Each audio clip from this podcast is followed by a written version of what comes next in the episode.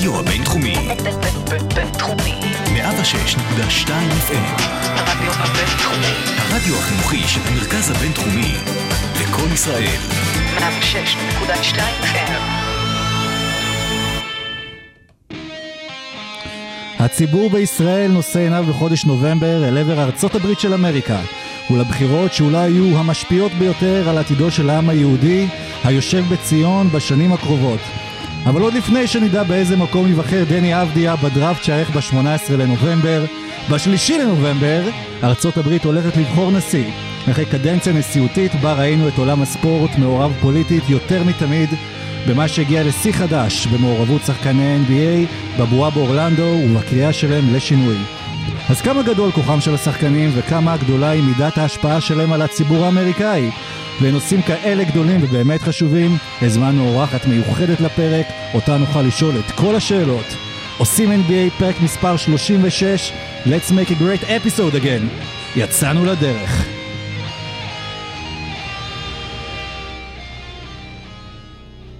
Ladies and gentlemen, welcome to OSIM NBA. Here are your starting five.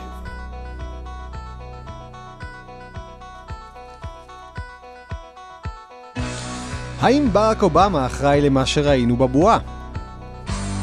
למה דונלד טראמפ כל כך שונא את שחקני ה-NBA? מה לברון ג'יימס עושה? לא על המגרש, מחוץ לו. האם אדם סילבר יכול לקחת לו את הנשיאות?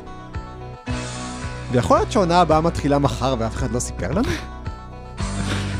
אני לא חושב שמישהו יתנגד. אולי אולי אפשר עוד שבוע הפסקה כזה, ו... אחרי שלושה בנובמבר נראה לי שגם האורחת שלנו תהיה יותר פנויה נפשית. אה, אז כן, זהו, אז בואו נתחיל להציג. עושים NBA, אנחנו בפרק מספר אה, 36, וסורוקה, אתה הזכרת לי שבוע שעבר שבפרק 18, פרק חי, היי, דיברנו עם דוקטור יואב דובינסקי גם בהקשר של אה, אה, כל מה שקורה עם המעורבות החברתית של השחקנים בארה"ב, אז רק עוד הכל התחיל. עכשיו כשאנחנו אחרי זה, ואחרי עוד חי פרקים, אנחנו ממשיכים הלאה. אז קודם כל, שלום ערן סורוקה, מה נשמע? שלום עידן לוצקי, האיש והנוגדנים. תקשיבו, ladies, לבן אדם הזה יש נוגדנים, יש לו יותר נוגדנים בגוף ממה שיש פה לחצי מדינה. ת- ת- בואו לקחת ממנו כן, נוגדנים. מה ש- all for one and one for all יש לי. של נוגדנים כמות, נכון. ובוא תציג את האורחת המכובדת אה. האורחת שלנו היא האוהדת NBA היחידה שאני מכיר, שמבחינתה סדרת הגמר הייתה רק ההתחלה, כי יש לה עוד סדרת גמר בין ג'ו ביידן לדונלד טראמפ, וזה לא רק ג'ו ביידן ודונלד טראמפ, היא מכירה סנטורים מסאוט דקוטה, כמו שאנחנו מכירים שחקני ג'י ליג. אה, היא עובדת בוורייזן, והיא נפלאה, והיה לי הכבוד הגדול להיות העורך שלה במעריב. ובשתי מילים, מעיין אפרת. שלום לכם. אני אבוא כל יום אם זה ה- זה ה introduction שאני אנחנו לא נהיה פה. כל יום, אבל אם תבואו תבואי. פעם בשבוע, אנחנו נהיה כאן, כן, וגם. כותבת בארנה של הבינתחומי, אז נכון. בכלל אה, טוב. אה, והיא הפרשנית הכי מגניבה ומעניינת שאני מכיר למה שקורה בארצות הברית, ולכן את פה. תודה רבה. אז יאללה, אז יאללה, בואו נתחיל, יש הרבה מה לשאול ומה לדבר.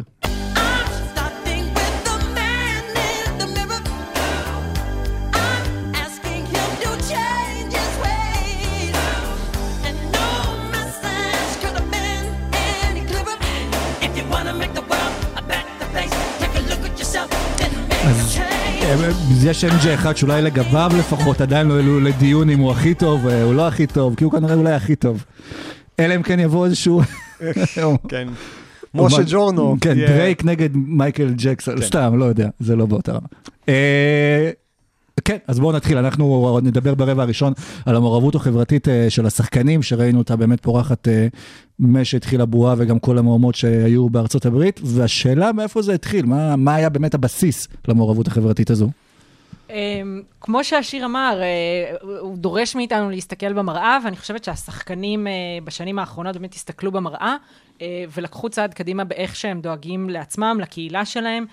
היה בזמנו שערורייה, אני לא חושבת, אני לא יודעת אם אתם זוכרים, יצא שיר של ג'יי זי, שדיבר על Jewish money ואיך הקהילה היהודית דואגת לעצמה, וחשבו שזה אולי אנטישמי ושזה יוצא כנגד הקהילה היהודית, וג'יי זי הסביר שדווקא הוא הסתכל על, על הקהילה היהודית בהמון הערכה, שאנשים בקהילה היהודית שהצליחו הצליחו, התעשרו, אה, הגיעו להישגים, דאגו ישר לייצר מוסדות או מקומות עבודה לחברים אחרים בקהילה. הוא בעצם אומר, הם הסתכלו אחד על השני והבינו שביחד הם יכולים להרים אחד את השני ולקחת אותם קדימה, ואני חושבת שזה מה שראינו את השחקנים. את השחקנים מסתכלים על עצמם במראה, אומרים שחקני NBA כבר לפחות 20-25 שנה הם, אה, הם מובילים בתקשורת והם מובילים ציבורית והם מרוויחים הרבה כסף, אבל אנחנו לא רואים את הקהילה אה, נגררת מאחורינו ו, ומצבה משתפר, והבינו שזה צריך להיות כנראה מהלך יותר גדול מלתרום מגרש פה, לגור, לתרום ציוד אה, או כסף לבית ספר אחר, אלא צריך לייצר גם שינוי פוליטי.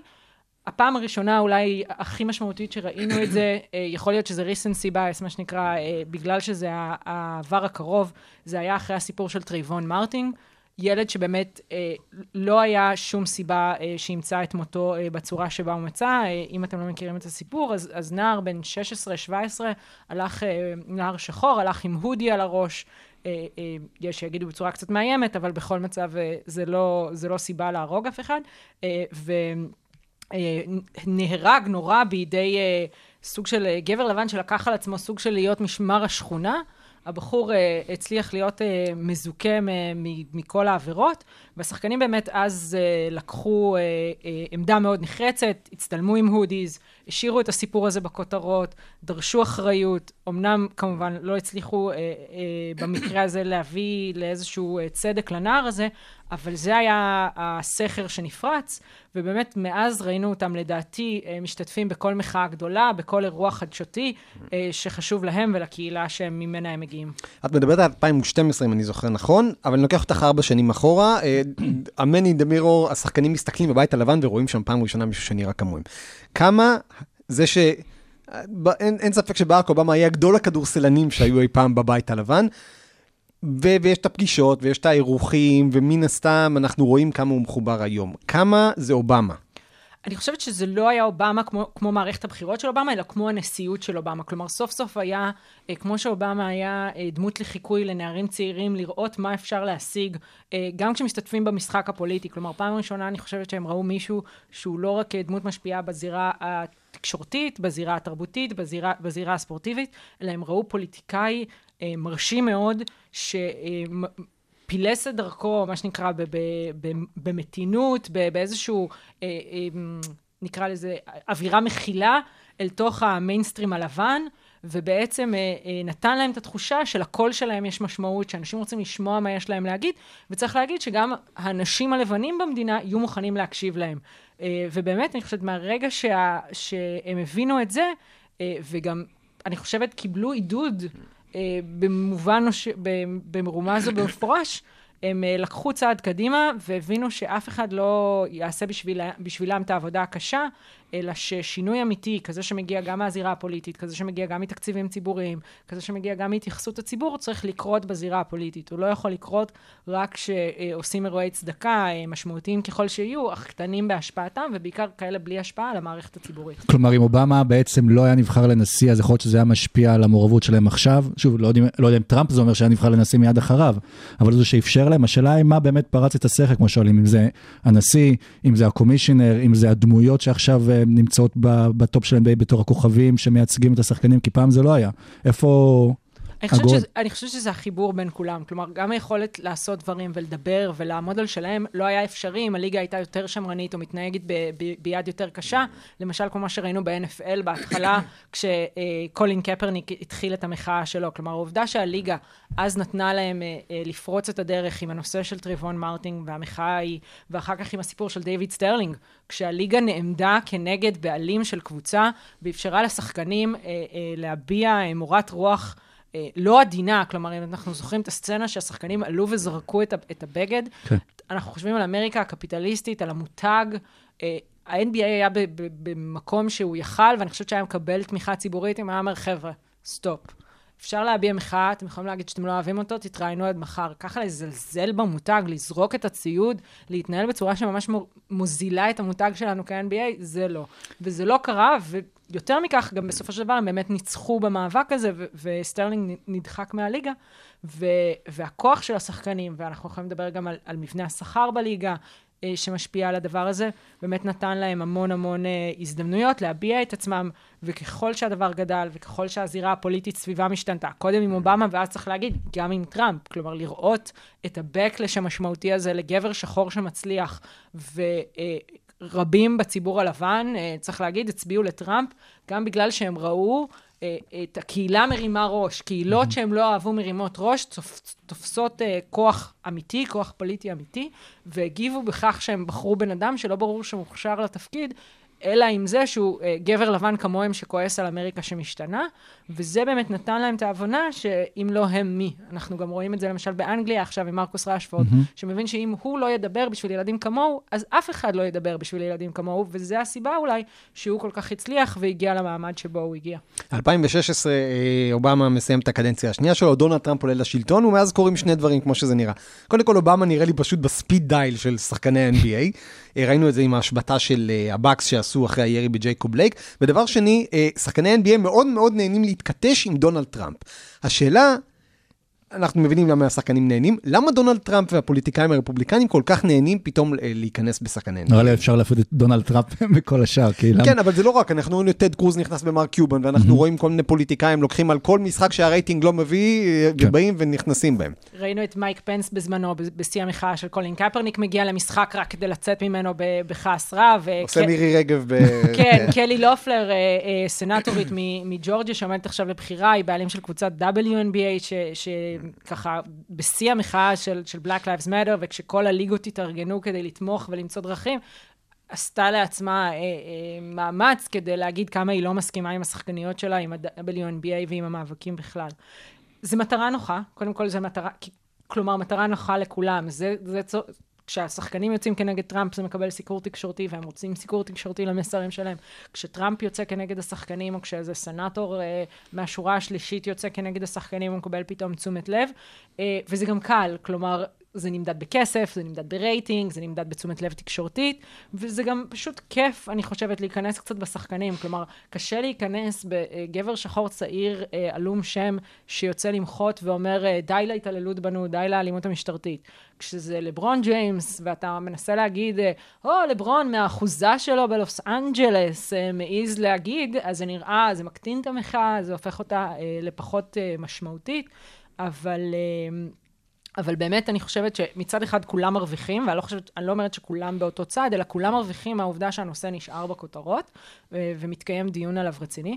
ומצד שני, באמת, שוב, זה קל פשוט לפגוע בשחקנים, אה, ולנסות לצייר אותם כמי שמחפשים, אה, בדיוק היום, אה, אני לא זוכרת מי היה הפוליטיקאי שאמר את זה, אה, ג'רד קושנר מהבית הלבן, שאמר שהם מנסים לעשות רק אה, virtue singling, כלומר להראות שאכפת להם, אבל לא באמת אכפת להם, או לא באמת מעניין אותם, אלא הם רק רוצים להיראות אכפתיים בתקשורת אה, ומול הקהל. השחקנים אה, זעמו כשהבעלים של הקבוצות, אחד אחרי השני, הוציאו כל מיני הודעות, דרגות שונות של תמיכה ב-BLM, אה, וג'יימס דולן לא.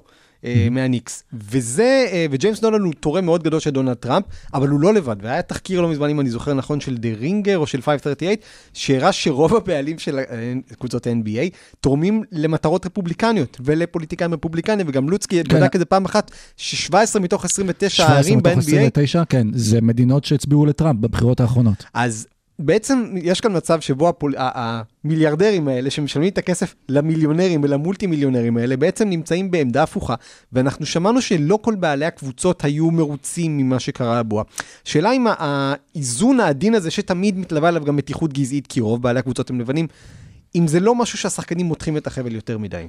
אני חושבת שגם אם, שאיפה שנראה אם זה קרה, אם השחקנים מתחו את החבל יותר מדי, זה יהיה דווקא בדיוני השכר. כלומר, המקום שפתאום הבעלים יהיו מאוד מאוד לחוצים להחזיר לעצמם שליטה, יהיה בדיוני השכר, בדרך שבה מנהלים את הליגה, בחלוקת ההכנסות, ואם נראה שם איזשהו ויכוח הרבה יותר אגרסיבי, שלא כל כך מוסבר לנו כה, כהצלחה של הליגה, והתוצאות העסקיות שלה טובות, והתוצאות על המגרש טובות, ויש הרבה עניין, אז לא נבין למה פתאום הבעלים נוקטים בעמדה כל כך תקיפה כנגד השחקנים, נוכל להניח שזו אולי אה, אה, תוצאה של, ה, של האירוע הזה. אבל צריך להגיד, כל הזירה העסקית בארצות הברית עוברת אה, שינוי בנושא הזה של תרומות פוליטיות. בעבר זה היה די מקובל שגם אם העובדים בחברה מסוימת נותנים לצד אחד או אחר, החברות, הבעלים של החברות, דואגים לפזר את הכסף ככה בקרב פוליטיקאים משתי המפלגות, פוליטיקאים בכל הרמות, בין הפדרלית למקומית, כדי שיהיה להם אה, אוזן קשובה, נקרא לזה, בכל רמה ורמה. וזה משתנה עכשיו גם בחברות ההייטק, גם בחברות אה, אה, בשוק הריטל. בכל החברות האלה פתאום קמים, באים עוב- עובדים ואומרים, די, אנחנו עובדים מאוד קשה, אנחנו אחראים לה, להצלחות של החברות האלה, ואנחנו לא מוכנים שאתם כבעלי החברה תתרמו בשמנו, או אפילו בשמכם, אך כבוסים שלנו, לפוליטיקאים שלא מכבדים את מי שאנחנו, אם אנחנו עובדים להט"בים, אם אנחנו עובדים אפרו-אמריקאים, היספנים, לא משנה. אנחנו לא מוכנים שהעבודה הקשה שלנו והפירות של העבודה הקשה הזאת יושקעו אחר כך באנשים שמאיימים על הביטחון האישי שלנו, על, ה, על ההצלחות שלנו במדינה הזאת, על כל מיני דברים, והרבה חברות פתאום נאלצות לתת דין וחשבון על תרומות פוליטיות שהם נתנו בעבר, לפעמים אפילו בצורה אוטומטית. כלומר, חברות היו מתאגדות בגופים פוליטיים שהיו פשוט תורמים כמו אה, דשן, נקרא לזה, מפזרים את זה על כל הערוגה, ועכשיו פתאום עובדים אומרים, לא מקובל עלינו, צריך לעשות פוס על הדבר הזה. תרומות פוליטיות, יש להן משמעות גדולה שאומרת מי אנחנו ומה אכפת לנו, ולא מקובל עלינו שזה ילך למקומות האלה, וזה אה, מאבקים שנראה בהרבה אה, שדות, גם ב-NBA וגם אה, בחלקים אחרים של העולם העסקי האמריקאי. וזה באמת יהיה מעניין לראות איך זה קורה, כי כסף בפוליטיקה האמריקאית זה משמעותי מאוד. אה, לא סתם בית המשפט העליון קבע שהיכולת להוציא כסף שווה אה, לזכות הדיבור אה, גם של תאגידים וחברות, ועד שזה ישתנה בפסיקה, בחוק, אנחנו נראה גופים ממשיכים להוציא עוד ועוד כספים על תרומות פוליטיות, וזה ימשיך לייצר דיסוננס בין אנשים מאוד עשירים או חברות מאוד עשירות שיכולות להרשות לעצמם ככה לפזר כסף על כל הזירה הפוליטית, לבין כוח העובדים שלהם, שלא תמיד מסכים עם לאן שהכסף הזה הולך. יכול להיות שנראה זו אולי דווקא פעולה אה, הפוכה, בקרב הזה שנראה בעלים של קבוצות שמחליטים למכור או לוותר על הקבוצות שלהם, בגלל שהם לא רוצים להיות אה, חלק אה, מליגה שדווקא לא, לא מגבש את דעתם הפוליטית, או השחקנים שהם מורדים בהם, ויגידו, "לא, טוב, אני לא רוצה לשים פה את הכסף שלי, כי הם בסוף לא עוזרים לי לדבר שיותר, יש משהו שיותר חשוב לי, נגיד מליגת ה-NBA, וזה נגיד לראות את טראמפ בתור נשיא. יכול להיות שאנחנו נראה נטישה שלהם? אני לא חושבת שנראה נטישה המונית, כי אני אתן פה איזה ציטוט שבארצות הברית נורא אוהבים, וזה שהזירה התרבותית והעולם של הפופ קולצ'ר והספורט נמצא בערך עשר שנים תרבותית מאיפה שהמציאות נמצאת, והפוליטיקה נמצאת בערך עשר שנים אחרי. ו- והפער הזה הוא תמיד קשה. כלומר, אנשים רואים בטלוויזיה איזושהי חברה אמריקאית מאוד פתוחה ומכילה, ואז הולכים הביתה ומקבלים על הראש חוקים, ולהפך, כלומר, בתקופת אובמה אנשים ראו חברה סופר מתקדמת, ואמריקה עוד לא ממש הייתה שם. אנחנו זוכרים שהמחאות הראשונות התחילו דווקא תחת אובמה. אז המתח הזה הוא תמיד בעייתי, אבל צריך לזכור באמת שה, שהבעלים הרפובליקנים האלה מזהים את הפער הזה. כלומר, הם יודעים שהם מאוד מאוד רוצים להשאיר את הפוליטיקה עשר שנים אחורה מאיפה שהציבור נמצא, אבל רוצים כבר להרוויח מהעשר שנים קדימה, איפה שהצעירים נמצאים, איפה שמוכרים סניקרס, איפה שמוכרים פרסומות, כי אה, הסבתא בת 65 אולי הולכת להצביע, אבל היא לא מזמינה אה, נעליים או מפרסמת סרטונים בטיקטוק ששווים הרבה כסף לבעלי החברות הללו. ואולי יכול להיות דווקא משהו אחר, כי אם באמת זה איכשהו ישפיע על הקהל ועל הרייטינג במדינות הרפובליקניות, אז נראה אולי קבוצות שזזות ל- למדינות אחרות. כלומר, ש- שמוותרים, כי רואים פתאום שהשוק הוא כבר לא רווחי, כי הקהל מפסיק להגיע, אבל במדינה דמוקרטית דווקא כן אפשר יהיה. אם אתה בעד להעביר את ניו אורלינס אה, לסיאטל, אז- אז מצטער, כל ירון ארבל. אגב, צריך בוא. להגיד, יש סטטיסטיקה בבחירות אמריקאיות, שאם לוקחים את אה, כמות סניפי ה-whole foods, שזה סופרים אה, עם מוצרים אורגניים ברמה גבוהה, ואני חושבת שזה נקרא קרקר ברל או משהו כזה, מסעדת מזון מהיר כלשהי. אם אתה בודק את כמות הסניפים אחת של השנייה באיז, באיזה יחסיות, במחוז מסוים, ואתה מלביש עליו את מפת ההצבעה, אתה בדרך כלל תקבל, אה, תקבל כאילו מפות זהות. כלומר, מחוז שיש בו הרבה סניפים של הול פודס ואין בכלל קרקר ברל, הוא כנראה מאוד כחול, ההפך הוא כנראה מאוד אדום. אה, מחוזות שיש בהם ככה קצת פה וקצת פה, אז זה מחוזות כנראה יותר מאוזנים. אז יכול להיות שכמו כל דבר בציבוריות האמריקאית ובפוליטיקה האמריקאית, ש- שיתפצל לו ויתארגן בקבוצות מאוד uh, נקיות, גם ה-NBA ימצא, גם ה-NBA והספורט בכלל ימצא את עצמו מתפצל למדינות כחולות ומדינות אדומות. Yeah. What is good for?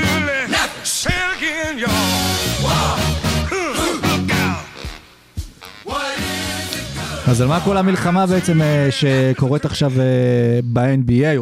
שוב, אנחנו מדברים על NBA למרות שאין NBA, אבל השחקנים עדיין נשארים מעורבים. אנחנו רואים את לברון ג'יימס מהרגע שהסתיימה אה, העונה, עדיין ממשיך להיות מעורב, הוא עדיין עבר לסדרה הבאה שלו, שזה הניצחון של, של ביידן. ו... ואנחנו רואים את האולמות של קבוצות ה-NBA כן. משמשים היום כמתקני הצבעה. שזה חלק מהמלחמה שדיברנו עליה כשהייתה את ההשבתה. וכל הדברים האלה שוב גם מובילים, ראינו שאחוזי ההצבעה נכון לעכשיו כבר 50 מיליון אמריקאים, נכון? משהו כזה. יותר, אנחנו כבר עברנו את ה-60 מיליון אמריקאים היום. שכנראה הרוב הוא דמוקרטי שהצביע עד, עד כה. כן, ככה מעריכים, אבל קשה לדעת, אבל בכל מצב, זה, זה נתונים מדהימים. כלומר, אה, אנחנו כבר עברנו ב- במעל 125 אחוז את, את סך ההצבעה המוקדמת בבחירות אה, 2016. יש עוד יש עוד שבוע. יותר משבוע, כן. אה, אנחנו צפויים כנראה לעבור ביום, אם ההצבעה ביום הבחירות, הם כנראה בטוח יעברו את מה שהיה ב-2016, וזה לא שאנשים לא התלהבו להצביע אה, ב-2016, זה נכון שככה אף אחד לא אהב את הילרי ואת טראמפ, אבל עדיין היה ברור שזה בחירות מאוד דרמטיות, אה, אה, ועכשיו אנחנו רואים שזה אפילו עוד יותר, והמומנטום מאוד מאוד גדל. כמה, מזה באמת, סליחה, אה, אנחנו יודעים מה קהל היעד של ה-NBA, מה הקהל היעד שה-NBA מכוון אליו. בג- בגדול, בני 18 עד 29. אה, אנשים שחיים את הרשתות החברתיות, ואלה ראו במשך שלושה חודשים את ה-Black Lives Matter, והם ראו את ה-vote, והם ראו את השחקנים שמקדמים את כל האג'נדות האלה. כמה השפעה לדעתך יש למה שהם ראו בטלוויזיה על, על ההחלטה שלהם ללכת להצביע? יש הערכות אה, שבין כמות המצביעים האלה, הגדולה שכבר הצביעה ו- ו- והייתה נלהבת להצביע, בין 20-25 אחוז אה, בחלק מהמדינות, זה חבר'ה שלא הצביעו בבחירות הקודמות. עכשיו, חלקם יכולים להיות אנשים מבוגרים שלא התלהבו לא מהילרי ולא מטראמפ ונשארו בבית, חלקם אבל, חלקם הגדול, זה מן הסתם אנשים צעירים, או שלא הצביעו בבחירות הקודמות מאיזושהי סיבה, או שפשוט התבגרו אל תוך האלקטורט, אבל בניגוד לשנים קודמות, שבהם, אה, צריך להגיד, מצביעים צעירים בארצות הברית מצביעים באחוזים מאוד מאוד נמוכים, נמוכים מחלקם באוכלוסייה, אה, ומה שזה משאיר אה, הרבה כוח פוליטי לשכבות המבוגרות יותר, בעיקר ה-65 ומעלה, הסבים וסבתות שלהם, שמצביעים אה, באחוזים גבוהים, מה שנותן להם יותר מחלקם באוכלוסייה, ולכן גם הפער שדיברנו עליו קודם.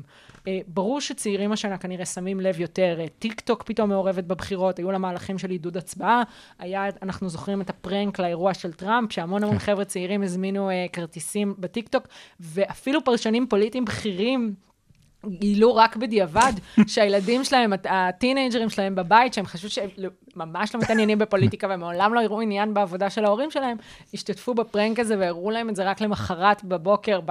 אנחנו ראינו בארץ, דיברנו על זה נראה לי בפרק קודם או שניים לפניו, שגמזו, אה, בשביל להעביר הנחיות ל- ל- לנוער פה בישראל, בעצם עשה סרטון טיק טוק שהוא רוקד. אה, כן, אנחנו כאילו. אנחנו קצת מנותקים כביכול ממה שקורה מזה, כי באמת, העולם הזה של החבר'ה הצעירים, של ה-18-29, באמת עבר כולו לרשתות חברתיות חדשות, שאנחנו כולנו פה יושבים בחדר מעל גיל 30, פחות חיים אותם, ובגלל זה אני אומרת, זה באמת היה מדהים. יש גם הרבה התארגנות, אה, זה פחות קשור ל-NBA, אבל יש הרבה התארגנות אה, של קבוצה שנקראת ה-Sunrise Movement, שמארגנת חבר'ה צעירים סביב הנושא של שינוי האקלים. וזה באמת קבוצה שהיא powered החבר'ה הבוגרים בה הם 30-35. אז כל הדברים האלה ביחד, העובדה שגוררים אותם מצד אחד וגוררים אותם מצד שני, אה, מעלה את האפשרות שנראה יותר השתתפות של צעירים בבחירות האלה, שהם יתקרבו יותר למספרים שלהם בקרב האוכלוסייה, וזה באמת אמור להביא שינוי פוליטי באמריקה, כי הדור הצעיר בארצות הברית הוא, הוא יותר... אה, ליברלי ויותר פתוח בהכל, ב- ב- כשמדברים על זהות מינית וכשמדברים על אה, אה, מגוון אה, אתני של, שלהם ו- ודעות בשלל נושאים, וזה באמת יכול להביא אה, לשינוי אה, בהרכב הבוחרים וגם בתוצאות. וזה גם, וזה גם חלק מהאוכלוסייה שיצאה לרחובות, ואני לוקח אותך רגע לתחילת המחאות של ה-Black Lives Matter, כי אנחנו ראינו שם ביזה, וראינו שם מקרים של הרס, וראינו שם גם כל מיני תופעות של, של, של כמעט אנטישמיות. ראינו את קווין דורנט עושה לייק לאיזשהו אה, אה, פרשן, ואת אה, דוויין וייד מחזק את ניק קנון, נכון שהוא כאילו לא ידע מה הוא אמר, על זה שהוא אה, אמר איזושהי הערה אנטישמית.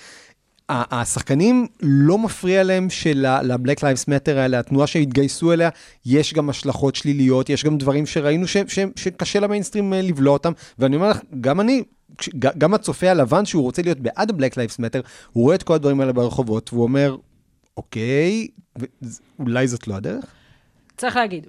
בהתחלה, בהתחלה, בהתחלה של המחאות, היה זינוק אדיר בתמיכה ב-Black Lives Matter כקונספט, כל סקר שאל את זה קצת אחרת, אבל גם סקרים שהשתמשו בשם המפורש Black Lives Matter, הביאו פתאום 60 ו-64 אחוזי תמיכה, וזה היה מאוד מטורף. צריך להגיד, עד הסבב הנוכחי, אה, כשהיית שואל אה, בקרב קהילות לבנות מי סובל יותר מאפליה בארצות הברית, או האם האוכלוסייה האפרו-אמריקאית אחראית למצבה, היית מקבל רוב אה, לדעות השמרניות יותר, אפשר להגיד אפילו קצת גזעניות, כשאתה מכיר את ההיסטוריה האמריקאית.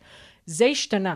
כלומר, זה גם כשירדה במידה מסוימת התמיכה ב-Black Lives Matter, גם בגלל אה, מה שקרה בחלק מההפגנות, גם בגלל שברגע שהגל עובר, אנשים עוברים להתרכז בדברים אחרים, עדיין סוף סוף אה, נחצה קו ה-50 אחוז, שאומר שיש אפליה ממוסדת כנגד שחורים בארצות הברית. כלומר, היה איזשהו אפקט מתמשך להפגנות האלה, שגם אם הוא לא בהכרח מצליח להבין את כל הפוליטיקה הפנימית של הקהילה השחורה, וצריך להגיד, אנחנו מסתכלים עליהם כקהילה הומוגנית בדרך כלל, אבל יש המון המון צבעים, כמו בכל קהילה, ויש המון המון קבוצות פוליטיות, וכשיש רגע כזה של התפוצצות, אז כולם באים ביחד, אבל ברור שגם ביניהם הם צריכים למצוא את האיזון הנכון אה, בין קבוצות מסוימות, ו- ואפשר לדבר על היחס גם שם בין גברים לנשים. נשים שחורות הרי תמיד הצביעו באחוזים מאוד מאוד גבוהים, ואחוזי הצבעה אה, בקרב גברים למשל הם לא באותה רמה, חלק מזה זה לא באשמתם, אבל חלק מזה זה באמת איזושהי אדישות מסוימת, וגם בגלל זה חשוב מאוד שהשחקנים הגברים ב-NBA פתאום הופכים יותר מעורבים פוליטית, אבל באמת אני חושבת שאנחנו באיזושהי אה, אה, תקופת מעבר כזאת,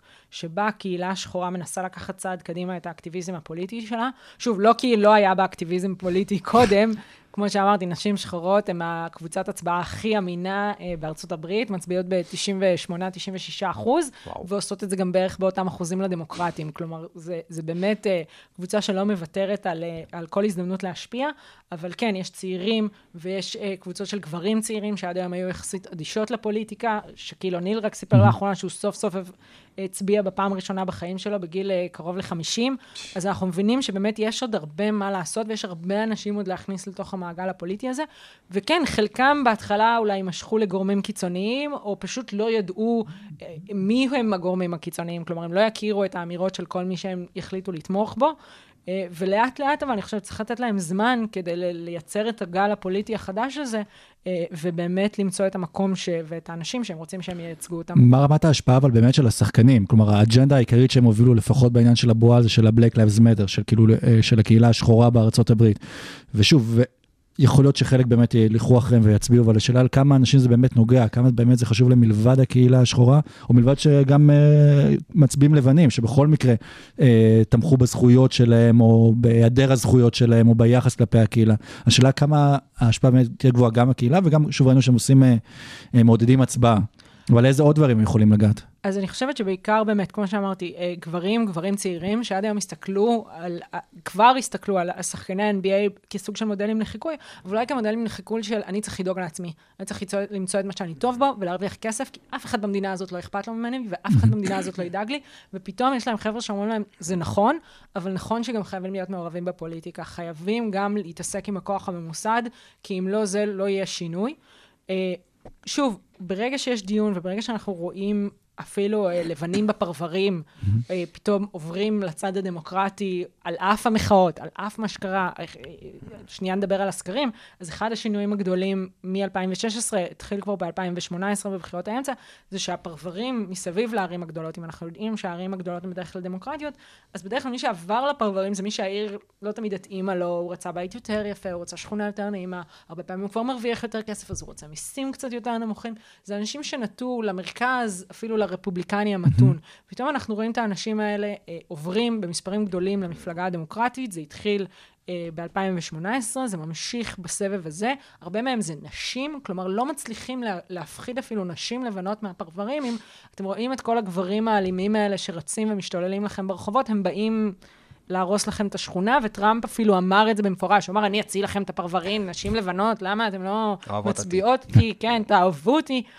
אז אנחנו רואים שיש השפעה, כלומר, ש- כשזה מגיע מאנשים רהוטים, מרשימים, כמו לברון ג'יימס, כמו קריס פול, כמו דוויין וייד, אנשים שהם גם household name, כלומר, אה, רואים אותם בתוכניות אירוח, וגם מעבר לספורט, אז יש הקשבה ויש הבנה שמותר גם לגבר שחור אה, גדול, גדול מימדים לעמוד על הדעה שלו, וזה לא צריך להפחיד אף אחד, זה יכול להיות רגוע ונעים כמו שיחה בג'ימי קימל או בכל תוכנית אירוח אחרת, ובאמת זה לא צריך להיות הסיבה שאת כמצביעה אה, לבנה מהפרברים, טינטין נגד המפלגה הדמוקרטית ובעד המפלגה השאלה שלי פשוט, שוב, כי זה לא, אני לא יודע אם זה קיצוני מדי, אבל השחקנים כן הם דיברו vote for a change, הצביעו לשם שינוי, לא בשביל אה, להישמר על מה שקיים. אז הם די לקחו איזושהי עמדה מאוד ברורה בעניין הזה. זה, כלומר, אפשר להגיד שהם כן עודדו את הציבור ללכת ולבחור, אבל גם אם זה לא היה במסר ישיר, שאת זה הם כן העבירו אולי ברשתות החברתיות, שזה גם כנראה מה שהקל עליהם לעומת השנים קודמות יותר לדבר עם הציבור, כי אין להם את הגורם המתווך של התקשורת, אבל המסר שלהם היה יותר בר- מאוד ברור.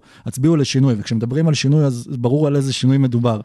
אז השאלה אם, אם, אם זה נכון מבחינת הליגה, מבחינת השחקנים, לקחת כזה צד במאבק הזה. אני חושבת שהם די מוגנים, כלומר, הם מדברים עם ה-60, 55, 54 אחוז שנוטה כבר לצד שרוצה שינוי, לפחות מההרכב הנוכחי, כלומר, אולי לא שינוי אה, אה, על בפוליטיקה האמריקאית, אבל רוצה שינוי מה, מהמצב הנוכחי, ורק צריך דחיפה קטנה, ומצד שני גם צריך לא לפחד כשמנסים להפחיד אותו בטקטיקות הישנות.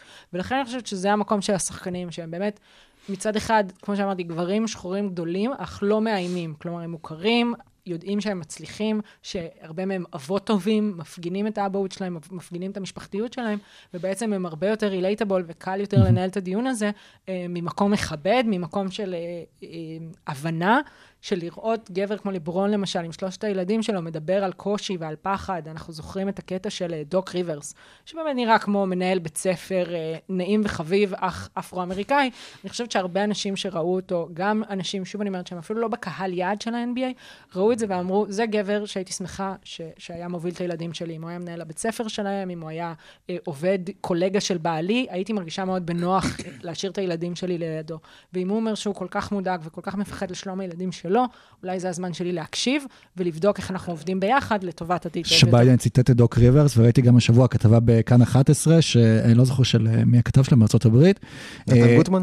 יכול להיות, כן, ושראיינו שם אנשים, ושוב, בלי קשר ל-NBA, ואתה רואה את האנשים מצטטים, בזכות ביידן כנראה, את דוק ריברס, כאילו, קר- קריס פול היה בין אה, אלה שדחפו, חתמו על העצומה ממש למנות את קמאלה האריס.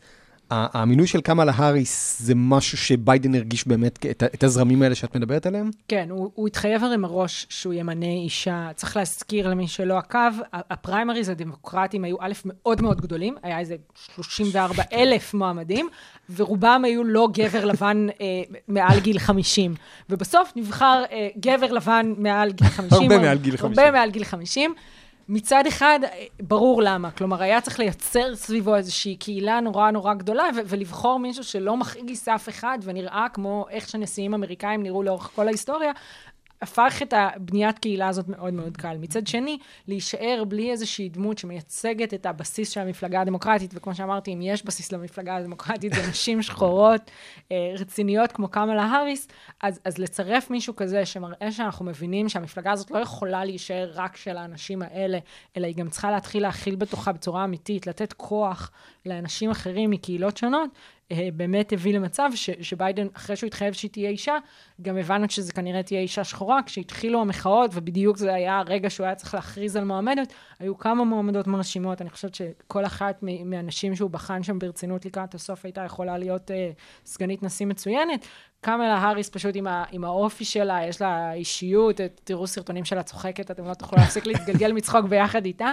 אני חושבת שהיא באמת גם התחברה לווייב הזה של ה-NBA, של בוא נעשה את זה בכיף, בהנאה, בריקודים, במוזיקה, בחיבה, בחיוך, ולא בהכרח אולי מהצד היותר, אה, נקרא לזה wonky של הפוליטיקה, מהצד היותר אה, policy, מנהלתי, נקרא כן. לזה. אה, דיברת באמת על דברים מנהלתיים, אחד הדברים שהשחקנים נלחמים עליו, וזה קצת קשה להם באמת להילחם עליו, זה שיהיו יותר מאמנים שחורים ויותר general manager ים שחורים. אז הנה אנחנו רואים את קמאלה האריס בתור סגנית נשיא אה, אה, אולי שחורה.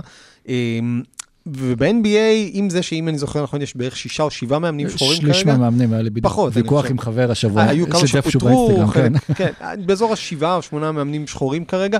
אה, ה-NBA גם יכולה לתת איזושהי דוגמה בעניין שילובם של שחורים בדרג קבלת ההחלטות. בוודאי, כלומר, אה, אה, אני חושבת שהמסר הכי גדול יהיה, אם נראה תוך כמה שנים, אני לא רוצה לקחת לאדם סילבר את התפקיד, אבל למשל אם הוא יביא סגן, אה, סגן קומישיונר, כן? כן, מר- מרק טייטום, הסגן שלו, הוא כבר אה, סגן שחור. כן, אז הנה, פספסתי אה, מינוי. אה, אבל אני אומרת, יביא עוד בכירים שחורים לתוך המערכת, עוד בקבוצות כמובן. representation matters, הם יגידו לכם. העובדה שמישהו יוכל להבין מאיפה הם באים, מה הקשיים שלהם. כמו שאמרנו, הנאום הזה של דוק ריברס, אני חושבת עשה יותר כדי לקנות את אמונם של שחקנים שישחקו אצלו לעשור הקרוב. כלומר, העובדה שהם ראו שהוא מבין אותם ו- והם מבינים אותו, אה, אה, מייצר הסכמות שבשתיקה, במבט עין, שאנחנו מבינים שלכל אחד מאיתנו חשוב שנקבל מהאנשים בסביבה שלנו. אני חושבת שהקורונה למשל מאוד הבהירה את זה, למשל אנשים עם מנהלים בעבודה שיש להם ילדים ופתאום בחצי מילה אתה הבנת שהם מקבלים אותך. אז אני חושבת שהשחקנים רוצים לראות את זה. הם גם רוצים לראות, אני מניחה, שמעריכים גם את האינטלקטואל שלהם, כלומר לא רק את היכולות על המגרש, את היכולות בבק אופיס ובפרונט אופיס, ואת היכולות לנהל ולהוביל מהלכים גדולים, ולבנות קבוצות, ואנחנו רואים את זה גם, גם בהסכמי השכר האחרונים, כלומר, השחקנים לוקחים לעצמם יותר כוח, אה, מנסים להשפיע על בניית הקבוצה סביבם, רוצים לקחת חלק בגיוסים בקיץ של שחקנים אחרים, חשוב להם ש- שיהיה להם מקום uh, at the table ולא רק on the court.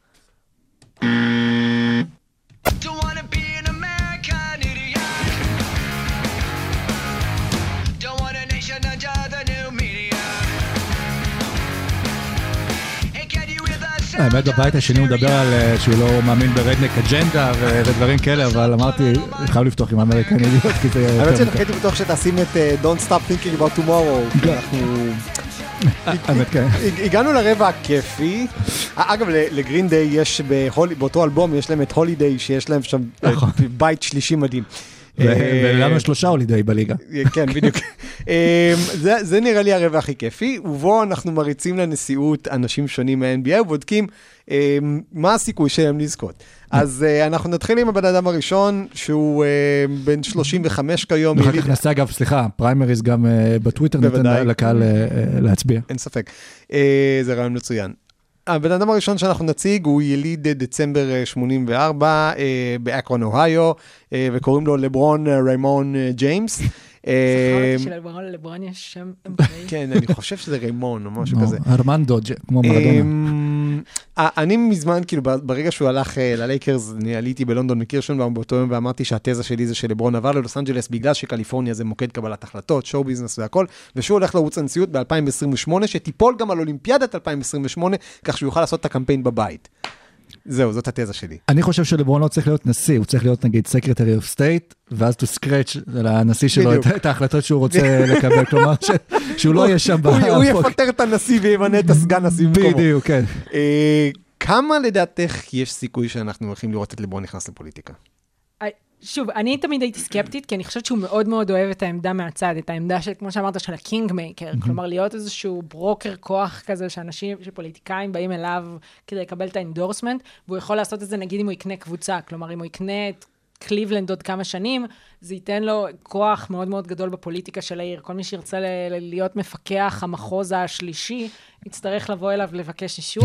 אני חושבת שזה אה, אה, המקום שהוא רוצה, מאוד הסנדק כזה. כלומר, באמת למצוא איזושהי נקודת כוח כזאת, לקנות קבוצה, אה, לפתוח אה, בית ספר ו- ולבנות איזשהו מערך חינוכי, שיהפוך אותו לדמות מאוד מאוד מובילה באזור מסוים, בעיר מסוים. אגב, באוהיו זה יהיה מאוד טוב למפלגה הדמוקרטית אם הוא יעשה את זה, כי זו מדינה שהיא מאוד. trending, לא, זו מדינה ש trending רחוק מהם. מסוג ה swing state האלה, לא כן. שהרבה פעמים מכריעות בחירות. הייתה, דמוקרטית הרבה שנים בגלל ועדי העובדים שם, ובשנים האחרונות, בגלל הירידת הכוח של ועדי העובדים והעלייה של האזורים הכפריים שם, אז, אז ככה בורחת להם מהידיים. אז אולי אם הוא באמת ילך, יקנה את קליבלנד, או, או יפתח שם עוד עסקים, ופתאום יהפוך להיות המוציא והמביא של, אה, של הפוליטיקה באוהיו, אז זה יהיה טוב למפלגה הדמוקרטית, וגם אני חושבת שזה זה העמדה שהוא רוצה לתפוס. זה גם יהיה טוב ב- לדיון שלו בסוף נגד אה, ג'ורדן. בדיוק. אה, שוב, הוא גם ירצה בטח קבוצה להראות שהוא מצליח יותר בתור בעלים של קבוצה, ועוד 20 שנים כשג'ורדן יוציא את החלק השלישי של The Last Dance, אז לברון יציג את העשייה שלו. אגב, לג'ורדן ייאמר לזכותו, הוא פתח כבר קליניקה שנייה, אני חושב, לאנשים שחורים אה, חסרי ביטוח חיים בנורת קרוליינה, אה, עוד מדינה שהיא swing state, אבל, אבל גם אני באמת חשבתי יותר על הקטע של לברון, שהוא מעדיף להיות איזה ברוקר של כוח, ואז הוא הקים את More Than a Vote, אה, שהוא לקח אה, אנשים, ו- וכדי שעוד רגע תסביר לנו מה זה voter suppression בעצם, והלך באמת לערים, למקומות שבהם, בעיקר לכל מיני מדינות שהן באמת swing states, אפילו טקסס ש- שאני רואה שעכשיו פתאום במשחק, ו- ומה המהלך הזה של לברון, זה כבר יכול להיות איזשהו חדירה לפוליטיקה, לא? כן, אה, נסביר בקצרה. אה, בארצות הברית המערכת ומערכת ההצבעה היא, היא קשה ומסובכת by design. כלומר, אנחנו צריכים לזכור, זה לא כמו מדינת ישראל שהוקמה, ואז היה לכולנו את הזכות להצביע, אז כאילו לא, לא היה צריך לבנות את זה.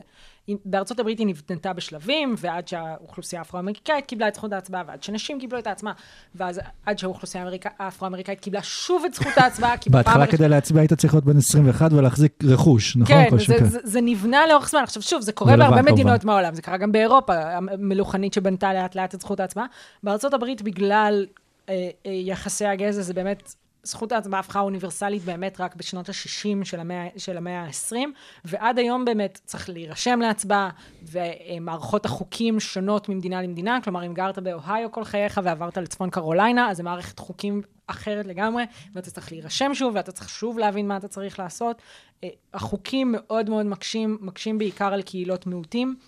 ומה שלברון עשה במהלך הזה, זה באמת לנסות לתקל כמה מהבעיות שעלולות לצוץ ולפגוע בצורה לא פרופורציונלית באוכלוסיות אה, מיעוטים. למשל, כל הנושא של אה, מוקדי הצבעה ומתנדבים שמפעילים את הקלפיות.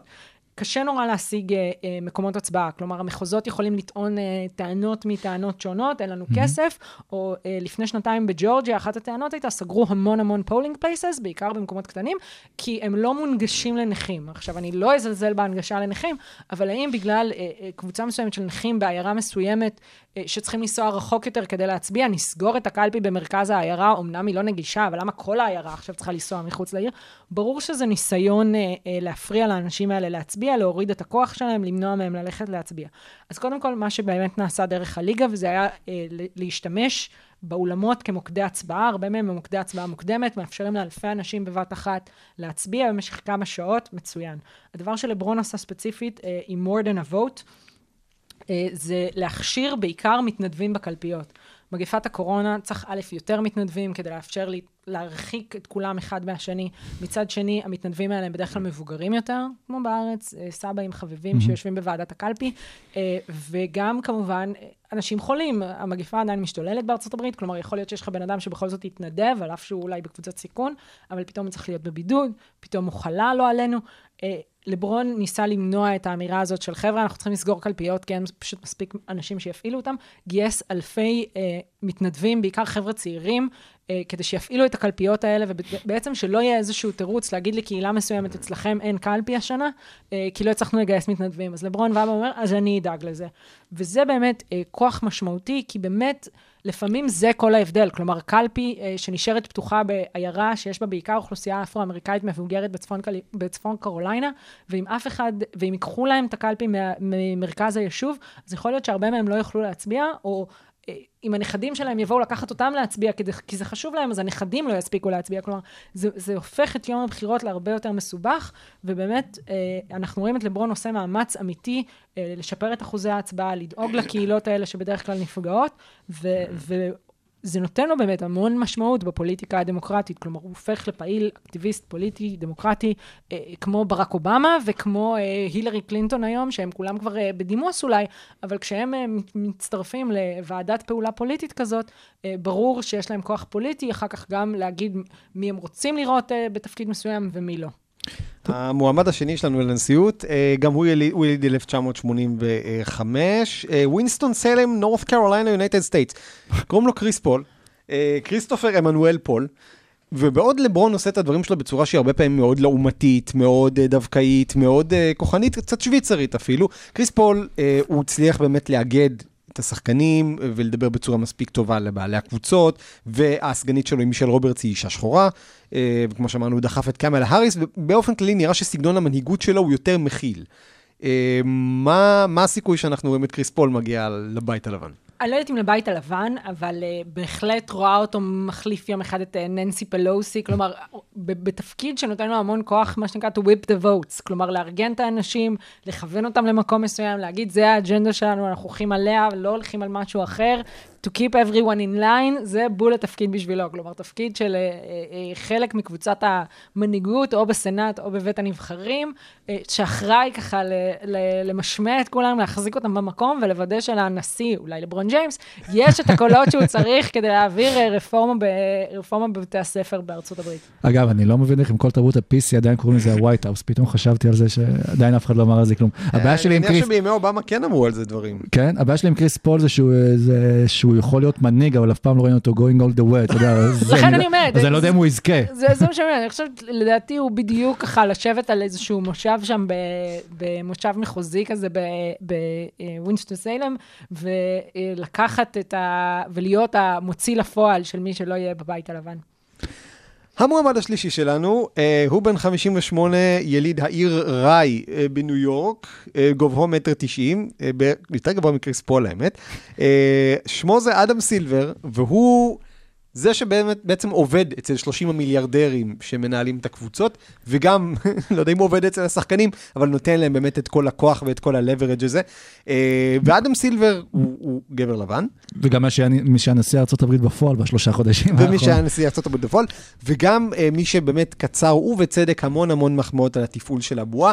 Uh, וטוב ליהודים כמובן. וטוב ליהודים, כן. כמובן. אה, אדם סילבר טוב לכל דבר, ואני חושב שכמות הפעמים שאנחנו אמרנו וכתבנו בטוויטר שאנחנו רוצים שאדם סילבר ינהל לנו את החיים בכל דבר בחיים בחודשים האחרונים הייתה מדהימה, אז למה שהוא לא ינהל לאמריקה את החיים? אז אני חושבת שאדם סילבר, כמו שאתה אומר, המנהל הכי חשוב באמריקה הוא לא בהכרח הנשיא, אלא הוא ה-chief of staff של הנשיא, ראש הסגל בבית הלבן. הוא באמת, הרי הנשיא לא יכול לנהל את כל הדברים האלה, הוא זה שצריך לקבל את ההחלטה, כל הכוח נמצא אצלו, אבל מישהו צריך להביא סוגיות בפני, לקחת סוגיות שלא חשובות מהשולחן שלו.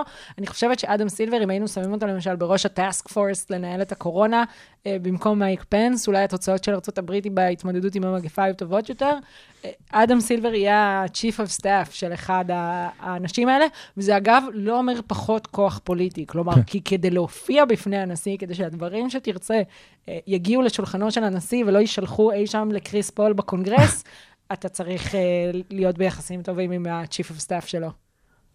רצית לשאול אה, משהו על זה? הזכיר לי פשוט משהו שאמרתם כבר, אפילו לא זוכר על מה, אבל אה, אם זה היה בסאוט פארק או בסימפסונס, אה, שארנולד שוורצנגר נבחר לנשיא ארה"ב שם, ואז הוא צריך לקבל החלטה, ואז הוא אומר, I was elected to choose, not to think, או משהו כזה.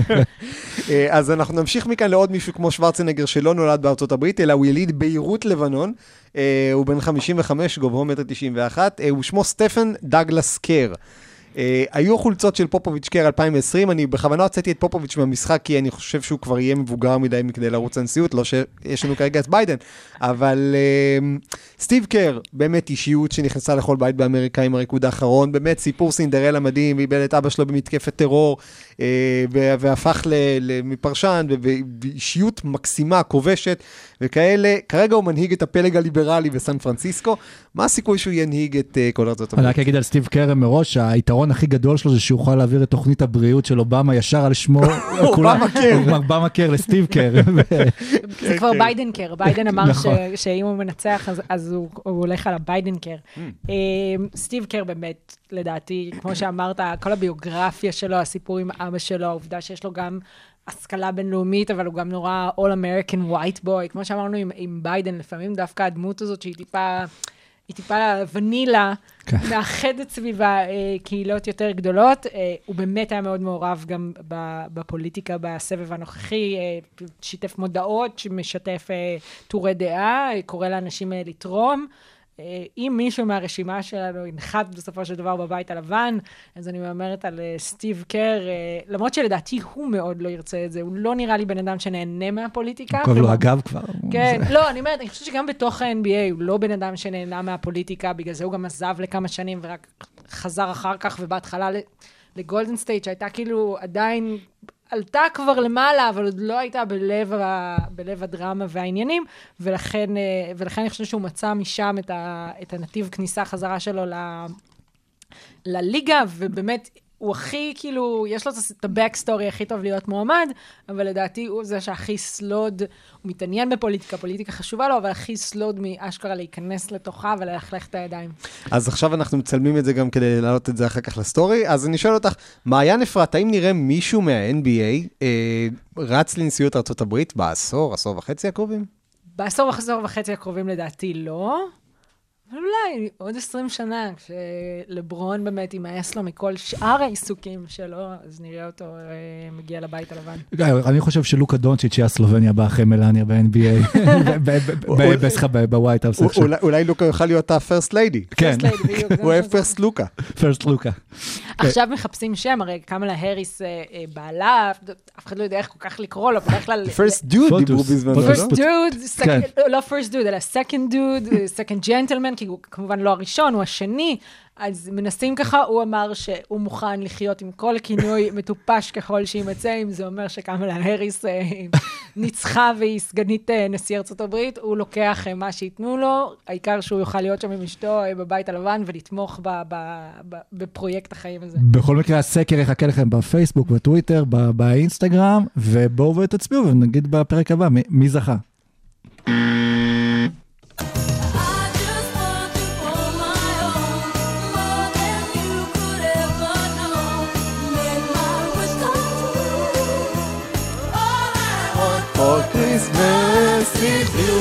כל המוזיקה היא All America, היה להם מריה כן. קרי, גרין דיי, מייקל ג'קסון.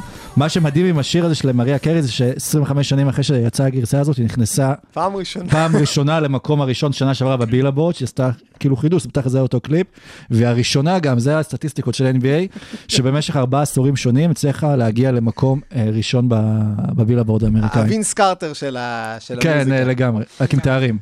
כן.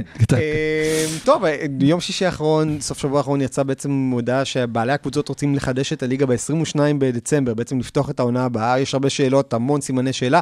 אנחנו כבר התחלנו לראות נתונים, הפסידה הליגה מיליארד וחצי דולר, שפחות או יותר זה הסכום שציפינו ש- שנשמע עליו, בהתחשב בכל מה שקרה. אה, אבל 22 בדצמבר, שזה הדבר המעניין מבחינתי, אה, בזכות זה שיהיה לנו את חג המולד, עוד חצי מיליארד דולר לליגה, מזכויות שידור מהיום הזה, מה, מהתקופה הזאת, ובאמת רוצים לעשות איזה לוח של 70-72 משחקים, שיגמר פחות או יותר בסוף אה, אפריל, כך שיוכלו לעשות חודשיים של פלייאוף. או- ופליי אין גם לפני כזה. ופליי אין. כן. אה, מה, מה אנחנו חושבים על זה? כאילו, נראה לי ממש מהר מתחילים את הדבר הבא. אה, מה יש לנו לעשות עכשיו? האמת שזה נכון. אה, לא, מעיין עוד יש לה מה לעשות לפחות בשבועות הקרובים, אבל... אה, בגדול, בדרך כלל electoral college, כלומר, אל תשכחו, הבחירות עכשיו, הם לא באמת כאילו בוחרים נושאים, בוחרים את ההרכב של ה electoral college, וה electoral college, על אף שהוא כבר אין לו היום שיקול דעת, מי יודע מה, עדיין צריך להיפגש. ורק בינואר. ולהצביע, והנשיא נכנס לתפקידו בינואר, אבל בדרך כלל האלקטורל קולג' נפגש ב-20, 19 לדצמבר, ככה שזה כאילו בדיוק, ה-NBA אומר, חבר'ה, אתם נותנים לנו את ה-all clear, וכאילו לוקחים את הבמה בחזרה. במקום לעשות סינכרון עם העונות של הספורט, הם פשוט עושים עכשיו סינכרון עם הבחירות. כן, עם הלו"ז הפוליטי. כלומר, גם אם- ייקח לתוצאות אה, בבחירות הרבה זמן להגיע, הם חייבים להתחיל להתכנס לכיוון תוצאה לקראת ה-19-20 בדצמבר, אז ה-NBA יושב להם על הזנב ואומר, חבר'ה, תחתכו, תחתכו. אה, אבל זה שוב החלטה לפי דעתי נכונה של אדם סילבר, שכבר חושב גם לעונה אחר כך, כי הוא לא רוצה שהעונה הנוכחית תשפיע על מה שיקרה, כלומר לסיים אותה. מתחיל להבין אולי שזה באמת תהיה עונה בלי קהל, אולי איכשהו זה ישתלב בהמשך. אה, אז מה שמדברים כרגע, סליחה, כן, כן. זה- עם פליי אין ואמרנו, ובלי אולסטאר כנראה, כי אנחנו לא יודעים מה יהיה מצב הקורונה. אני עוד לא התאוששתי מהאולסטאר שעבר, שהיה מעולה. אז עכשיו צריך לבטל בשביל לתת לנו לנוח ואז לחזור, אבל, גם מבחינת קורונה, אגב, חושבים על זה ששוב, מסתכלים קדימה, כרגע אנחנו בשיא המגפה, עוד יותר השיאים של השיאים הקודמים בארצות הברית. אגב, המון מדינות מידווסט ויוטה וכל מיני דברים כאלה, אז הדבר הכי פחות סטרילי זה להביא את כל השחקנים להתכנס באותו מקום. וגם צריך עוד, שוב, בגלל שהזמן קצר, הם צריכים עוד, אנחנו זוכרים מהבועה שבועיים מראש להגיע, להיות שם, זה אומר שעוד רגע כבר השחקנים צריכים להתחיל את המחנה אימונים, ואפילו עוד לא יודעים איך זה יחולק, אם זה בבועות שונות, אם זה בפרקי זמן של משחקים, עם קבוצות, תרשם את העניין הזה, ב- אה, כמו בבייסבול, ילכו ויעשו סדרה של משחקים נגד קבוצה אחת, עדיין לא יודעים איך זה יקרה, והכל צריך להיות מוחלט עכשיו. כן, וכמו שערן אמר, ארה"ב ממש בימים אלה נמצאת ב... ב... קשה להגיד גל שוני, גל שני, כי כל מדינה נמצאת ככה ב... אבל הם במקום שברו אחר. שיא של נדבקים השבוע. כן, אבל הם, הם בהחלט בנקודת שיא כרגע מבחינת, ה, מבחינת הקורונה, ו- ולא ברור איך זה נראה אחרת. כלומר, ממשל טראמפ יחסית שם את כל המאמצים שלו, את כל התקוות שלו על uh, מציאת חיסון ועל uh, מציא, או מציאה או פריצת דרך בתרופות.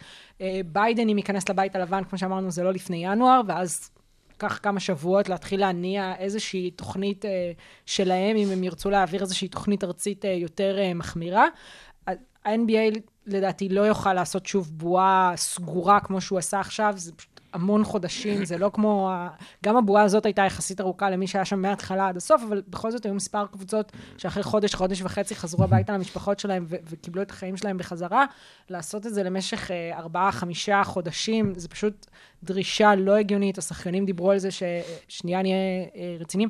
בעיות של בריאות הנפש בתוך הבועה, זה מאוד מאוד קשה. מצד אחד, אנחנו, זה נראה לנו קל, אין קהל, אין לחץ. מצד שני, הם לא רואים אף אחד, כל החיים שלהם פתאום כדורסל, קשה להכניס את הדברים לפרופורציה. כל משחק וכל ניצחון או הפסד הוא בעצם כל מה שיש לך בחיים, כי אתה מנותק מכל שאר הדברים שקורים. אה, ואני לא חושבת שה-NBA ינסה שוב לייצר מהלך של בועה אחת סגורה ארוכה, אלא באמת יצטרך לייצר מצב שגם בין הבועות עוברים, אז האם בין הבועות לוקחים פתאום שבוע חופש, כלומר עושים איזושהי מיני פגרה כדי לוודא שאף אחד לא מדביק אף אחד ולא בעצם משביתים את כל הליגה. יש להם הרבה הרבה החלטות לקבל, והלוגיסטיקה כנראה תהיה אפילו יותר מורכבת מזו של הבועה. וחוץ כן. מהעניין הלוגיסטי, סליחה, אז השאלה באמת איך זה מצביע, משפיע על הקבוצות אה, שעכשיו צריכות להיערך. שוק השחקנים נפתח מחדש, דראפט אה, שיצא לדרך, ואיך מס- מסדרים את הרוסטר של הקבוצות, קבוצות שרק עכשיו שיחקו, סיימו לשחק בבועה, שפתאום אין להם מספיק זמן לנוח, יש כאילו הרבה דברים להתחשב בהם. עוד לפני זה נגיד שיכול להיות ש-NBA פשוט יצטרך אה, להצטרף ל- להיות כאחד האדם, כאחת הליגות שאנחנו רואים שיש בצ'מפיונס ליג, שחקנים שם עם קורונה שלא יכולים לשחק. ו- ואני חושב שעוד לפני חיסון, ה-NBA בונה, והיא גם השקיעה, אגב, אקטיבית במיזמים כאלה, בין היתר של אוניברסיטת יל, אם אני זוכר, של rapid testing. שאתה עושה עכשיו בדיקה, ותוך רבע שעה אתה יודע אם קיבלת תוצאה. ולכן אה, אין מצב שבו שחקן יעלה למטוס כשהוא חולה בקורונה וידביק את השחקנים האחרים. כלומר, השחקנים האלה ידעו שפעם ביום הם באים כמו שהם עשו בבועה, רק שהפעם ייתנו להם את כל הבדיקות לקבוצות שלהם והם, והם ידעו. כך שהשחקן יצטרך, כל שחקן יצטרך בעצם להיות אדון לעצמו, לדעת שהוא לא הולך עכשיו לסופר כי יכול להיות שהוא יחטוף קורונה, הוא לא הולך עכשיו לעשות מנגל כי יכול להיות שהוא יחטוף קורונה, כלומר הם לא יהיו בבועה, אבל הם כן יצטרכו לשמור על כללי סטריליות מאוד מאוד מאוד אה, אה, קפדניים. וגם אה, דיברו על זה שהולכים לעשות air pure, אה, מטהרי אוויר יותר משוכללים אנטי-בקטריאליים באולם. יעשו ממש, אה, אה, יקראו לזה reset של האולמות, כלומר, יחטאו אותם בצורה, ו- ו- וזה אתגר עוד יותר גדול, צריך להגיד את זה, אתגר הרבה יותר גדול מהבועה, להעביר עכשיו עונת NBA באולמות הביתיים, אפילו בלי קהל, ובוא נהיה אופטימיים ונגיד ש, שגם את הדברים האלה יעשו עכשיו תכנונים קדימה, כלומר, זה לא שיעשו עכשיו בועות, הם יגידו עכשיו אנחנו הולכים לשחק בסן פרנסיסקו, בלוס אנג'לס, באוקלאומה, בשרלוט, כרגע אנחנו מתחילים נניח בלי קהל, אולי בפברואר כבר נוכל להכניס 2,000 איש, אולי באפריל כבר יהיה rapid testing ברמה שאפשר להכניס 5,000 איש. זה תוכנית רמזור של ה-NBA. סוג של תוכנית רמזור, בדיוק. כן. אה, אז זה חלק מהדברים. אבל לדעתי, אם יש אה, משהו שזה יגרום לעשות, ואנחנו כאן שלושה אוהדי לייקרס, מסתכלים על זה, מבחינתי הדבר הזה יכול לגרום ללייקרס לקבל החלטות על יותר לחתוך דברים בסגל. כלומר, ראינו את הרעב המטורף שהיו לשחקנים, שהיה לשחקנים האלה, ולעשות את ה turnaround הזה, שתוך חודשיים וחצי אחרי האליפות כבר לעלות על פרקט למשחק הראשון של העונה הבאה, זה משהו שלא כל השחקנים, בטח המבוגרים של הלייקרס, אה, יוכלו לעמוד בו. שוב, לא מבחינה פיזית, מבחינה פיזית הם יהיו בסדר, אני אומר מבחינת הרעב.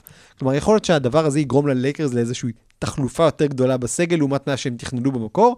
אני לא יודע לגבי מיאמי, כי שם הם בעיקר בונים על הקיץ הבא, על יאניס, אבל, אבל לקבוצות בעצם שהלכו עמוק לתוך הפלייאוף, הדבר הזה יפגע בהם. ביוטה אין בעיה, כי כולם אה, כמעט אה, נדבקו שם. כן. אף אחד אבל לא מדבר בשלב הזה על שחקני הפנטזי, כי אני כבר רואה את עצמי השנה נכנס לרוטו לפני משחק ורואה ששחקן שנדבק בקוביד 19 ודופק את הראש בקיר. זה מה ש- מזדהים זה מה עם ש- זה. אגב, מה ואיך שאוהדי אפשר אולי לעזור להקל עליהם, זהו, זה מה. שאוהדי אה, הפוטבול נתקלים בו. צריך להגיד, הפוטבול מתקיים כביכול באיזשהו פורמט רגיל. חבר מארצות הברית שלח לי אתמול, הוא היה במשחק של הברונקוס, לא האמנתי שבן אדם שאני מכיר היה במשחק live sport אמיתי. אה, ובאמת שמה החליטו ש... מה שהולך הולך, יש נהלים הקפדניים, אבל בסוף כל קבוצה צריכה להקפיד על עצמה, כל שחקן צריך להקפיד על עצמו, מנהלים את הלו"ז, אם יש, יש בלת"מים, עוצרים, דוחים משחקים, מבטלים משחקים, עובדים סביב הדבר הזה, ו- ומתקדמים אבל בפול סטים ההד. כרגע זה יחסית עובד להם, כלומר, היו כמה שבועות שזה היה נראה לא לכאן ולא לכאן, כלומר, כל יום קיבלנו הודעה, הקבוצה הזאת סוגרת, והקבוצה הזאת נדחה לה המשחק, ושתי הקבוצות האלה, צריך לדחות להם את המשחק, אבל בגלל שקבוצה אחת חלשה יותר, אז אולי בכלל לא יקיימו את המשחק, כי עד ש... עד שתגיע סוף העונה כבר המשחקים שלה לא יהיו רלוונטיים. אנחנו צריכים להתכונן שזה גם יכול לקרות ב-NBA, כלומר ש- שאדם סילבר יגיד אנחנו רצים, ואם אה, לשארלוט אה, מתבטל משחק, אז אולי גם לא ישחקו אותו, כי לא בטוח שהיא תהיה בתמונת הפלייאוף באפריל. עשר השנים כן. הקרובות. כן, כלומר, להגיד, אני מבין שלא כל הקבוצות פה, יש פה 30 קבוצות, אבל לא כל הקבוצות נולדו שוות. אז אני מבקש מהלייקרס ומהקליפרס... אה, תהיו לה- בריאים. תהיו בריאים, ושאר הקבוצות תעשו את המיטב, ולאט לאט נגיע, וכמו שאמרנו, ואם עושים play-in בסוף, שיכול טיפה לאזן את הבלגן, ו- ואחר כך כשיש קבוצות עם מאזנים לא שווים, כמו שהיה השנה, לייצר איזשהו טורניר שאומר, נעשה מה שנעשה, ואז יהיה לנו תאריך cut-off, ומי שיגיע לתאריך הזה ייכנס לאיזשהו טורניר, ייכנס לאיזשהו בועה, למדנו את הדברים, מתבטל הקבוצה שלכם במשחק, באסה, אבל כאילו, תעשו משהו אחר הערב, תשחקו קלפים. כאילו. לא בטוח שכל המשחקים האלה באמת יצאו לפועל, כמו, ש... כמו שראינו. וזה לא מתאים ל-NBA אגב, שזה לא משהו כזה מסודר, או לקבל החלטה כזו ש... בוא נראה מה יהיה. בהמשך לרבע הקודם, קודם כל אני סומך על סילבר שהוא באמת יעשה פרוטוקולים לכל הדברים האלה, כמו שאגב היו פרוטוקולים גם אה, לבועה. כלומר, גם בבועה היה פרוטוקול שאם שחקן נדבק, לדוגמה, אם דניאל האוס מכניס היה לחדרו... פרוטוקול זיון, שהוא חייב להיכנס לפלייאוף. זה לא עבד. אה, אם לצורך העניין דניאל האוס היה אה, מכניס לחדרו את בודקת הקורונה אה, לדברים שעדיף לא להרחיב עליהם, אה, והיא הייתה מדביקה אותו והוא היה מדביק את יוסטון רוקטס, כלומר, היו פרוטוקולים גם לזה. אז עכשיו באמת סילבר יצטרך לעבוד עם פרוטוקולים, ו- ושוב, אני, אני, אנחנו באמת סומכים עליו שהוא ידע לעשות את הדבר הנכון, אבל הדבר הזה יהיה מורכב הרבה יותר מהבועה, וזה יהיה אתגר, אה, חתיכת אתגר פסיכי. דיברו בהתחלה גם על זה, אולי על זה שכן ייתנו להם מנוחה של שבוע באמצע העונה, אז רק רציתי להציע, אם עושים את השבוע המנוחה הזה, תנו לקבוצות, תעשו את ה trade deadline בשבוע הזה. Mm.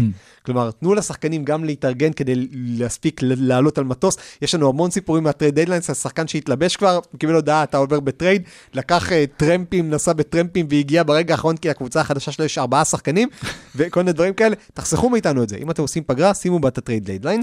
וזה גם, וזה גם יאפשר למנוע קורונה, כלומר, תנו לשחקנים זמן, תשלחו אותם לעיר אחרת. למרות שאת הם שמה יקב- אותם על מטוסים. כן, לא, באמת, שימו אותם על מטוס, ואז תנו להם או על לשבת מטוש. בבית, בבית שלושה ימים כדי לעבור בדיקת קורונה, לעבור בדיקת קורונה שנייה, לראות שהם לא גוררים איתם מיוסטון ל... ל... ל... לא יודעת לאן, לבוסטון אה, אה, קורונה. ותצליחו לנהל את העונה, וגם להתחיל אותה בחצי השני, בלי לייצר אה, התפרצות קורונה בליגה, כי התחלתם להזיז שחקנים בין ערים שונות, שכל אחד במצב אחר, וטיסות ועניינים. אה, ו- ושוב, צריך להזכיר אבל שה-NBA טסים הרבה private, ובמלונות אפשר להפריד אותם, כלומר, זה, שחקני NBA אין להם הרבה זמן פנוי ממילא במהלך העונה, אז כל עוד באמת הם לא מכניסים לחדר את אה, בודקת הקורונה, אפשר לבודד אותם יחסית תוך כדי העונה. זה לא נגיד שחקני NFL, שלמעשה משחקים פעם בשבוע וחוזרים לחמישה ימים הביתה, ואז קשה נורא לדעת מה קורה איתם. אה, וה-NBA חוזר... אבל שנייה רגע, כן. לפני שנגיע לחג המולד, אה, נגיד מילה, על- דיברנו על קבוצות שייפגעו, מי שכנראה הכי תיפגע מהסיפור הזה של הקורונה, לפחות עד הודעה חדשה, זו טורונטו, שלא תוכל לארח בבית, כי אי אפשר לה- להיכנס מארצות אה, הברית נכון. לקנדה. אז דיברו על זה שאולי בפלו תהיה הבית שלהם, כמו שעשו לדעתי בבייסבול. כן, אם אני זוכר בבייסבול נכון. אפשר? כן, אני לא... לא, אבל זה לא מזרח. ימצאו לו איזה מקום. אז uh, באמת, כרגע, אם ההצעה תומץ על ידי ארגון השחקנים, שהם אלה שצריכים להחליט, ואני לא בטוח שזה יעבור ברוב מוחלט, אבל הכסף כנראה ישכנע אותם. יש לנו משחקי חג מולד, ואנחנו אוהבים את חגיגת חג המולד, חמישה משחקים, אה, ואנחנו התבקשנו לבחור את סדר המשחקים. אה, אז אה, נתחיל עם האורחת שלנו, מעיין. אז אני, יש משחק אחד שאני לא, אני לא מוותרת עליו. אני, אני ואדם סילבר נהיה ב beef אם הוא לא, הוא לא ישבץ אותו, ואני יודעת שהוא לא ישבץ אותו, וזה קליפרס לייקרס. לא קיבלנו את זה בפלייאוף, אנחנו רוצים לקבל את זה בפלייאוף. אנחנו רוצים לראות את אה, לברון אחרי כל מה שקרה, אה, אה, מוציא את העצבים שלו על, ה, על, על הקליפרס. חייבת. חובה, לא יקרה, אבל חובה שיקרה.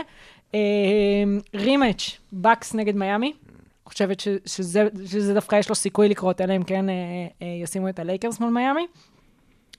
ברוקלין, או נגד בוסטון, או נגד פילי, מי שתבנה מחדש יותר, כלומר, מי ש... ברוקלין אנחנו יודעים שהולכת להיראות שונה מאיך שהיא נראתה בעונה הקודמת, שיש שם הרבה עניין, אה, וכדי להכניס את לוקה למערך חג המולד נגד הנגטס, זה אתגר, הנגטס הוכיחו שבנו שם קבוצה, יש על מה לדבר שם. אם לוקה רוצה להוכיח את עצמו, כאמור, הוצאתי את אה, הלייקרס כבר, והוצאתי את הבנייה מחדש במזרח, אז אם לוקה רוצה להוכיח את עצמו, אה, ניתן לו ללכת נגד הנגטס. אה, ו- ולהראות שהשנה הוא בא לקחת את אה, תואר הקבוצה המפתיעה שהשתחלה מאוחר אה, בפלייאוף. כן. אז רגע, אמרת, אמרת מילווקי מיאמי, אמרת ברוקלין נגד בנייה מחדש, אמרת לייקרס נגד קליפרס. דנבר נגד דאלאס, זה ארבעה, פספסתי עוד משהו? לא, זהו, זה- יש לי... ח- ח- חמי- קיבלת יש חמישי. יש תמיד throw away game כזה, כן. תמיד דוחפים את הניקס נגד מישהו, אז מי שלא, את מי שלא תבנה מחדש מספיק טוב כדי לשחק נגד ברוקלין, שתשחק נגד הניקס. אה, טוב, לי יש חמישה משחקים שחשבתי עליהם, וזה הולך ככה. המשחק הראשון שיפתח בשבע בערב, בשעון ישראל, זה מיאמי נגד מילווקי, בהתחלה חשבתי מיאמי נגד דאלאס, אולי איזשהו קרב סלובני, אבל אה, גם כן אה, רוצה את ה rematch הזה, ומיד לאחר מכן, בוסטון סלטיקס יפגשו את הברוקלין נץ, עוד פעם קיירי נגד, נגד בוסטון, והמשחק חזרה של קווין דורנט, יהיה נהדר. משחק שלישי, הכנסתי את לוקה מן הסתם, דאלאס נגד ניו אורלינס פליקנס, מי שרוצים שיהיה הפנים הבאות של הליגה, לבין מי שבינתיים לוקח את זה בשתי ידיים, והוא כרגע נראה כמו העתיד אה, של הליגה. משחק אחר כך התלבטתי, זה לוס אנג'לס קליפרס, בהתחלה חשבתי נגד פילי אולי, כנגד דוק ריברס, אבל בסוף אמרתי בואו נשחזר את הסדרה נגד אה, דנבר, ואז אמרתי אולי בכלל נוציא את הקליפרס ונעשה דנבר יוטה, ועוד פעם נראה ג'מאל מרי נגד אה, דונובן מיטשל, אבל זה פחות אולי רייטינג וזה, אז המשכתי עם לוס אנג'לס קליפרס נגד דנבר נגטס, ומשחק אחרון, גולדן סטייט ווריורס, הקאמבק שלהם, נגד האלופה, נגד הלייקרס. וואו, לא לברון חשבתי על זה. נגד דני, או או קרי, סתם. אה, וכן, זה יכול להיות אה, המשחק הקאמבק של סטף, של קליי, של אה, של דריימונד שלא היה פצוע. שני שווקים גדולים, הרבה כסף, בדיוק. פריים טיים במערב, הרי, הרי יש בעצם שני פריים טיים נכון. במשחקי, במשחקי ה Christmas. הפריים טיים טיפה יותר מוקדם, המשחק הרביעי, שהוא פריים טיים במזרח, והמשחק החמישי, שהוא בעצם פריים טיים במערב. יכול להיות יופי של משחק פריים טיים מערב. אגב, אנחנו מן הסתם נשווה את התוצאות ברגע שיפרסמו את הזה, והזוכה בין שלושתנו יקבל אה, חולצה ותקליט. יקבל כרטיס חינם, איך זהו, כרטיס יקבל חינם כרטיס למשחק חינם ללא קהל. שאסור, למשחק לא קל. אה, החמישייה שלי ככה, אנחנו מתחילים עם אה, טורונטו נגד מילווקי, בשתי מאוכזבות, חצאי גמר הפלייאוף האלופה הקודמת, פסקל סייקם נגד אנטטוקומפו בקרב האפריקאי, ו- ושוב, יאניס וכדומה. טורונטו היא כאילו החוליה החלשה מבחינתי בקטע הזה, אבל בכל זאת אה, קבוצה שהייתה אלופה וקבוצה שנתנה פלייאוף טוב, ולך תדע איך היא תיראה, אז אני מבחינתי נותן להם את המשחק הראשון. המשחק השני, אני איתך, אה, בהתחלה הלכתי על אה, ג'ה נגד אה, ניו אורלינס, ואז מישהו תיקן אותי בטוויטר איפה לוקה, שם גיף של לוקה זועם, אז ננסה את לוקה נגד זיון, דיברת על הפרוטוקולים של זיון, אז הפרוטוקולים של זיון נגד לוקה על קרב הפנים הבאות של הליגה. אחר כך אני עושה שחזור בוסטון נגד מיאמי, מגמר המזרח, כולל להקרין את הקליפ של באם אדבאיו חוסם את ג'ייסון טייטום 16 אלף פעם ב replay. אה, במשחק של שמונה שעון מזרח ארה"ב אני שם את הלייקרס והקליפרס, אחת נגד השנייה, ו... סליחה, זה שבע וחצי, וב-10 בלילה שעון מזרח ארה"ב, או אה, עשר וחצי, אני שם את גולדן סטייט נגד ברוקלין.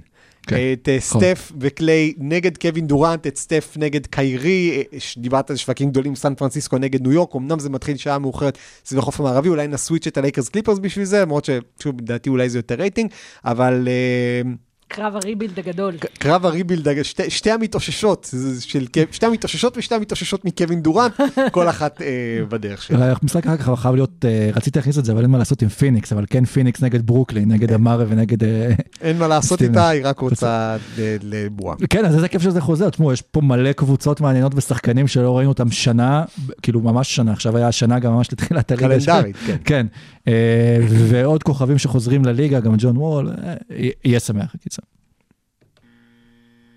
היה פה באזר, אם לא שמעתם. כן, ופופ, נגמר, נגמר, לנו, אה, נגמר לנו התוכנית. היה ממש ממש מעניין. תודה רבה. ואנחנו נעקוב, כי נאמרו פה הרבה דברים, ואנחנו נראה עוד מעט גם איך יהיו אה, תוצאות הבחירות וכמה הם אה, ישפיעו על הליגה.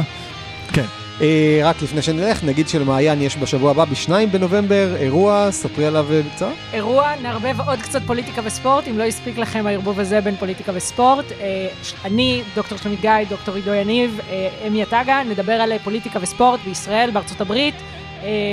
אה, למה, איך, כמה, שורשים היסטוריים, אז אם לא הספיק לכם הדיון פה, אז תצטרפו אלינו שמונה בערב, שני בנובמבר, יש פרטים בפייסבוק, יש פרטים בטוויטר. וגם נשים לינק אנחנו גם לזה. נשים תזכורת, אז תודה רבה מעיין פרד שבאת להתארח אצלנו, היה ממש כיף. תודה רבה לכם שאירחתם אותי, היה נהדר. כן, תודה רבה סורוקה. תודה רבה לוצקי והנוגדנים. אגב, אחלה להקה, לוצקי והנוגדנים. כן. אקורד סיום מצוין.